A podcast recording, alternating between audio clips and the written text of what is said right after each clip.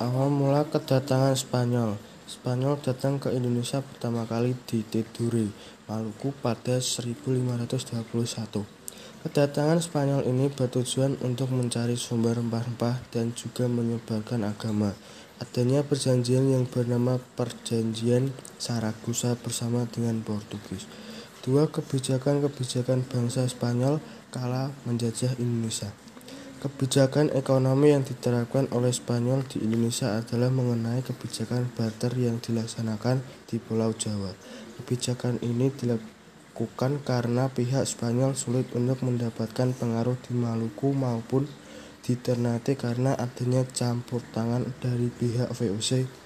Barter yang digunakan oleh Spanyol adalah dengan menukar kebutuhan sehari-hari seperti beras, jagung, dan gandum serta kain kemudian ditukar dengan rempah-rempah. 3. Dampak positif dan negatif penjajahan bangsa Spanyol dalam kehidupan bangsa Indonesia. Dampak positif. 1.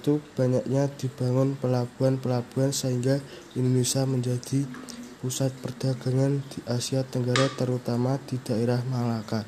2. Setelah kedatangan bangsa Eropa di Indonesia banyak berdiri pusat-pusat industri yang dapat mengurangi angka pengangguran di Indonesia.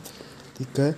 Dibangunnya sarana jalan darat atau disebut jalan raya, sehingga antara kota yang satu dengan yang lainnya terasa dekat. 4. Didirikannya sekolah yang dapat mencerdaskan para generasi penerus bangsa Indonesia. Dampak negatif 1. Terjadinya pemberontakan di mana-mana yang mengakibatkan banyaknya warga negara Indonesia yang meninggal. Dua bangsa Eropa mengadu domba seluruh rakyat Indonesia. Tiga warga Indonesia merasa tidak beban dengan adanya bangsa Eropa di Indonesia.